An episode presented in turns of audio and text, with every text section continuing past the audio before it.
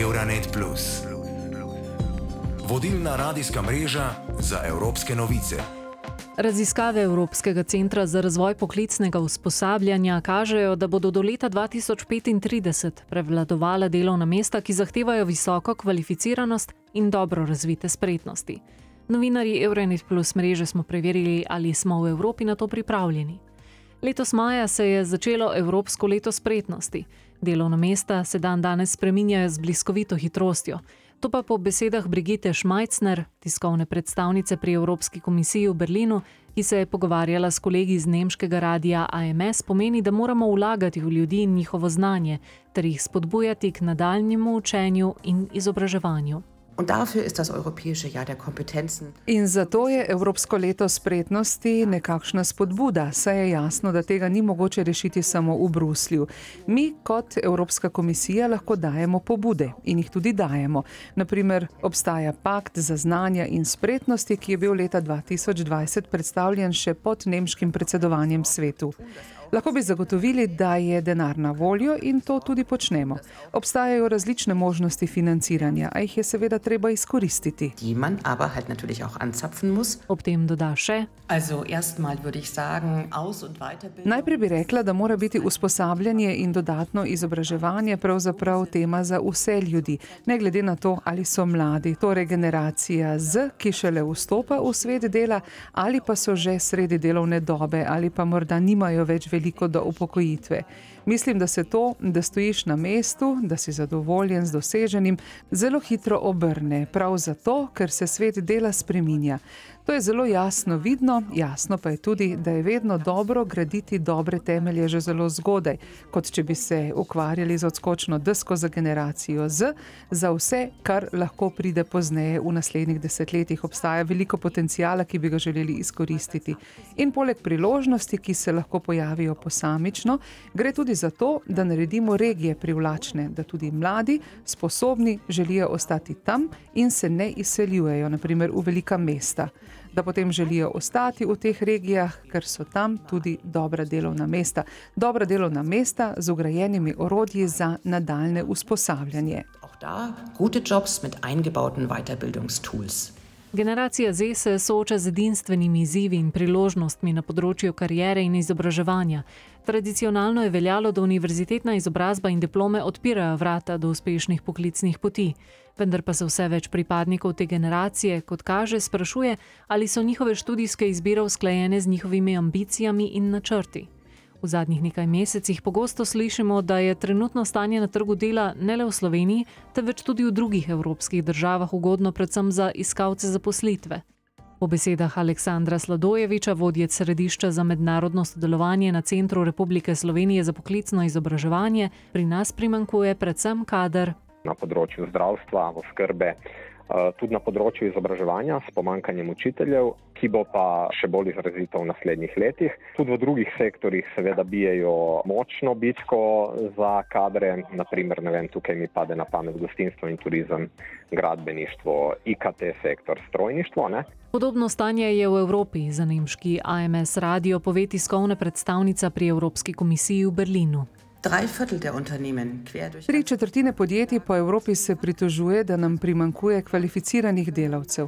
Potrebujejo ljudi, ki znajo nekaj narediti, potrebujejo pa tudi ljudi, ki znajo narediti prave stvari.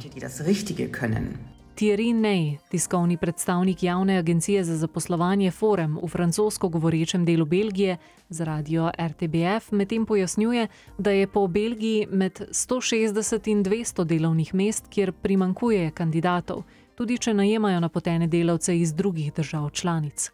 80 odstotkov teh delovnih mest je tehničnih in fizičnih del, 30 odstotkov jih je v gradbeništvu, Obstaja pa tudi intelektualna delovna mesta v naprimer zdravstvu ali informacijskih tehnologijah. Izpostavlja, da je težava večplastna. Danes, če analiziramo iskalce zaposlitve, kdo so, 46 odstotkov jih nima dokončane srednje šolske izobrazbe, zato imajo malo znanj, ki bi jih lahko ponudili podjetjem, ki pogosto iščejo kvalificirane ljudi. To je torej prva težava. Druga težava je, da jih 45 odstotkov nima vozniškega dovoljenja. Torej, če živijo v majhni vasi, kjer za javni prevoz ni dobro poskrbljeno in morajo delati v izmenah, se stvari zapletejo, če delajo izven ur, ko deluje javni prevoz. Na vprašanje o tem, ali gre tudi za pomankanje apetita po deficitarnih poklicih, odgovori, da Z našo službo za analizo trga dela smo analizirali razloge, zakaj nekateri sektori niso zelo privlačni, znanstveni in tehnični poklici. In tam ugotavljamo, da dejavniki, ki vplivajo ali usmerjajo k tem poklicem, ostajajo vedno isti. Nekateri imajo vizijo, podobo, ki ni več v skladu z realnostjo in ki še vedno prenaša predsotke o teh poklicih, kot so napornost, obremenjenost, težka, slabo plačana dela. Po drugi strani pa vidimo novosti tudi v razlogih, ki vodijo mlade. To je naprimer iskanje smisla.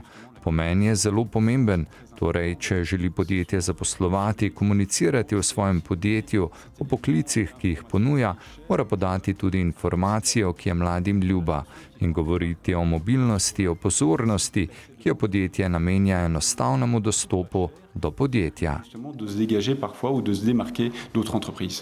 Mladenič, ki ga je novinar radia RTBF intervjuval na enem izmed kariernih sejmov, ki jih organizira Forum, je dejal, da je pri izbiri zaposlitve plača pomembna, saj dan današnje življenje ni lahko. A izpostavi tudi druge elemente, kot so kakovost življenja, smiselna služba in doda, da se bodo morali delodajalci prilagoditi tej spremembi v miselnosti pri generaciji Z. Zdaj se zavedamo, da težko delo prinaša zdravstvene težave in ne želimo imeti vseh teh omejitev, vseeno si želimo, da bi nekoč lahko uživali, saj vemo, da je čas upokojitve vedno dlje stran. Če dan danes pri 67 letih nimamo več možnosti uživati v svoji pokojnini, čemu služi? Razen preživetju. Podatki slovenskega ministrstva za izobraževanje kažejo, da je pri nas vse večje zanimanje za programe poklicnega in strokovnega izobraževanja, ki omogočajo neposredno zaposlitev po zaključku šolanja. Letos se je največ kandidatov, 43 odstotkov in pol, prijavilo v programe srednjih strokovnih šol. Na nižje poklicne programe se je prijavilo 2,7 odstotka učencev, na srednje poklicne programe pa 18 odstotkov učencev. Delež prijavljenih v gimnazijskih programih pa je letos nekoliko nižji kot lani in sicer 34,8 odstotka, kar je odstotek manj kot lani. Tehnična delegatka v World Skills Slovenija, Sara Gošnak, izpostavi, da za razliko od splošnega izobraževanja, mladi v poklicnem in strokovnem izobraževanju poleg neke osnovne splošne izobrazbe, ki jo pridobijo, pridobijo tudi veliko praktičnega znanja. Ne? Tako da začnejo mladi zelo hitro pridobivati vrsto različnih kompetenc in spretnosti, ki so pomembne za uspešno poklicno pot. Nekdanji portugalski minister za izobraževanje in znanost Nuno Krato medtem za radio Renesanca izpostavlja pomembnost poklicnih študijskih programov, ki so družbi pomembni. Obstaja skupina poklicev, v katerih imamo velike vrzeli v delovni sili in največji delež poklicnih smeri v prevelikem odstotku omogoča usposabljanje, ki ni več toliko potrebno. Naprimer, veliko mladih se želi ukvarjati s športom. To je plemenita dejavnost, a zaposlitev na področju športa ni lahko najti. Po drugi strani pa poiskati zaposlitev kot natakar ali na drugih zelo uporabnih področjih, od elektrotehnike do informacijske in komunikacijske tehnologije, tu manjka kader. Obstaja veliko število mladih, ki so usmerjeni, morda zaradi pomankanja splošnih informacij v državi, na smeri, ki na koncu nimajo službe. Zato je dobro, da se povečuje število študentov v poklicnih smereh. Pomembno pa je tudi, da so dijaki usmerjeni v poklicne smeri, ki jih država potrebuje in jim omogoča zaposlitev. Na portugalskem, pa tudi marsikje drugje, še vedno obstaja predsodek, da so te smeri namenjene tistim z nižjimi dohodki ali težavami. Nekdani portugalski minister meni, da je ta domneva neutemeljena. de facto, isto surpreende-nos um pouco, por exemplo, pensarmos que a Suíça tem. To nas pravzaprav nekoliko preseneča. V Švici je naprimer približno 60 do 70 odstotkov mladih upisanih v poklicne programe izobraževanja. Švica je bogata država. Podobno je v Avstriji, okoli 70 odstotkov in na Finskem. To so primeri razvitih držav z intenzivnim poklicnim strokovnim izobraževanjem mladih, kjer usposabljajo mlade ljudi, ki imajo zelo dobre plače in delajo na področju strojništva, gradbeništva, zdravstva in tako dalje. Kot rešitev pa krato predlaga tesnejše sodelovanje med šolami in podjetji. Portanto, estou a falar em as empresas voluntariamente destacarem. Podjetja bi morala prostovoljno nameniti sredstva, kot so tehniki in infrastruktura, za pomoč pri poklicnem oblikovanju. In to prinaša veliko prednost, ki je, Industrija se razvija tako hitro, da je nemogoče, da bi imele šole vedno najnovejše modele strojev in drugih orodij ter opreme. Toda podjetja to počnejo, ker sicer niso konkurenčna. In zaradi tega imajo podjetja možnost, da mladim ponudijo ne samo pripravništvo, ampak že od samega začetka izobraževanja možnost dela v podjetju in dostopa do te opreme. Aleksandr Sladojevič, vodja Središča za mednarodno sodelovanje na Centru Republike Slovenije za poklicno izobraževanje, ob tem še poudari. Marsikateri poklic je bil v preteklosti tudi, recimo, temu nekako razvrednoten. Ne? Za marsikatere poklice v poklicnem in strokovnem izobraževanju je veljalo, da so, so ne vem, umazani, težki in tako dalje, ampak z razvojem nove tehnologije danes temu ni nujno tako. V Centru za poklicno izobraževanje povdarjajo, da se z različnimi socialnimi partnerji trudijo mlade najprej ozaveščati o poklicnem in strokovnem izobraževanju ter jih na to privabiti k temu. Eden najbolj zanimivih in največjih dogodkov na področju poklicnega izobraževanja ter prikazovanja vrhunskih poklicnih spretnosti v Evropi je mednarodno tekmovanje Euroskills, ki bo potekalo septembra v Gdansku na Polskem.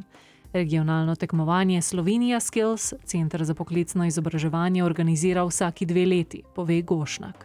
Tam se več kot 100 mladih udeleži tekmovanja v več kot desetih poklicih, zmagovalci pa si pridobijo vstopnico potem za evropsko tekmovanje Euroskills. No, na Euroskillsu pa tekmuje več kot 600 mladih iz 32 držav v več kot 42 različnih poklicih, Med njimi bosta septembra tudi Sibila Leskovec, zmagovalka v kamnoseštvu, ter Žiga Kralj, zmagovalec v kategoriji IKT.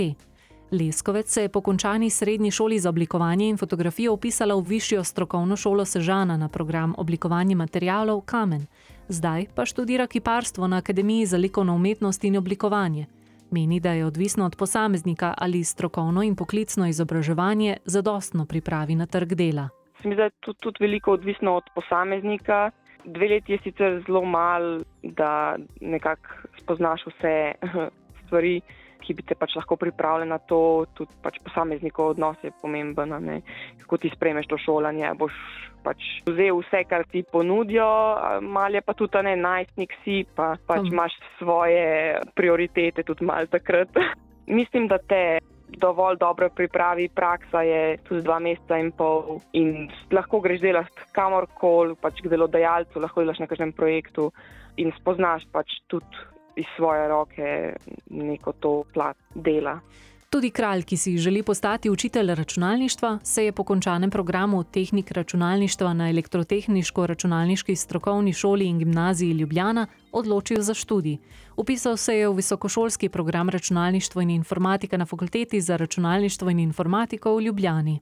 Prvotno v bistvu sploh nisem imel nameniti na fakulteto, sem rekel, da bom naredil neko srednjo šolo, dobil poklic in v bistvu pol BKN začel delati.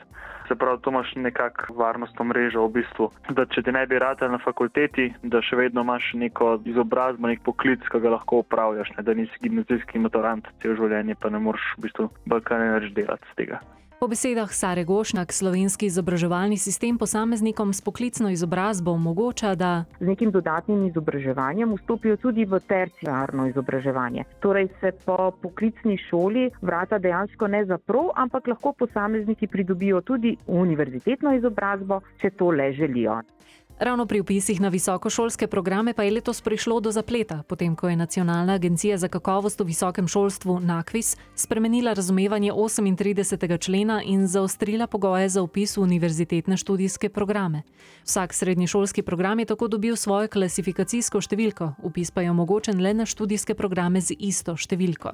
Po mnenju nekaterih je namreč poklicna matura z dodatnim petim predmetom postala lažji obvod mimo gimnazijskih programov in enostavna pot na fakultete. Velja pa se vprašati, kaj naj naredijo tisti dijaki, ki ob koncu osnovne šole ne vedo natanko, kaj bi v življenju želeli početi. Bo gimnazija edina možna pot?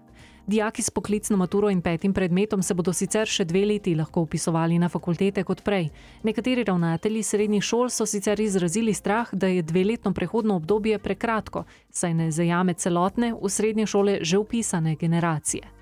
Mlajša generacija torej spodbija arhajično prepričanje, da le gimnazijska in univerzitetna izobrazba zagotavljata, da bodo lahko počeli to, kar si želijo in imeli za to uspešne karijere. Ta premik se odraža v večjem številu kandidatov, ki se prijavljajo na poklicne programe v primerjavi s preteklimi leti.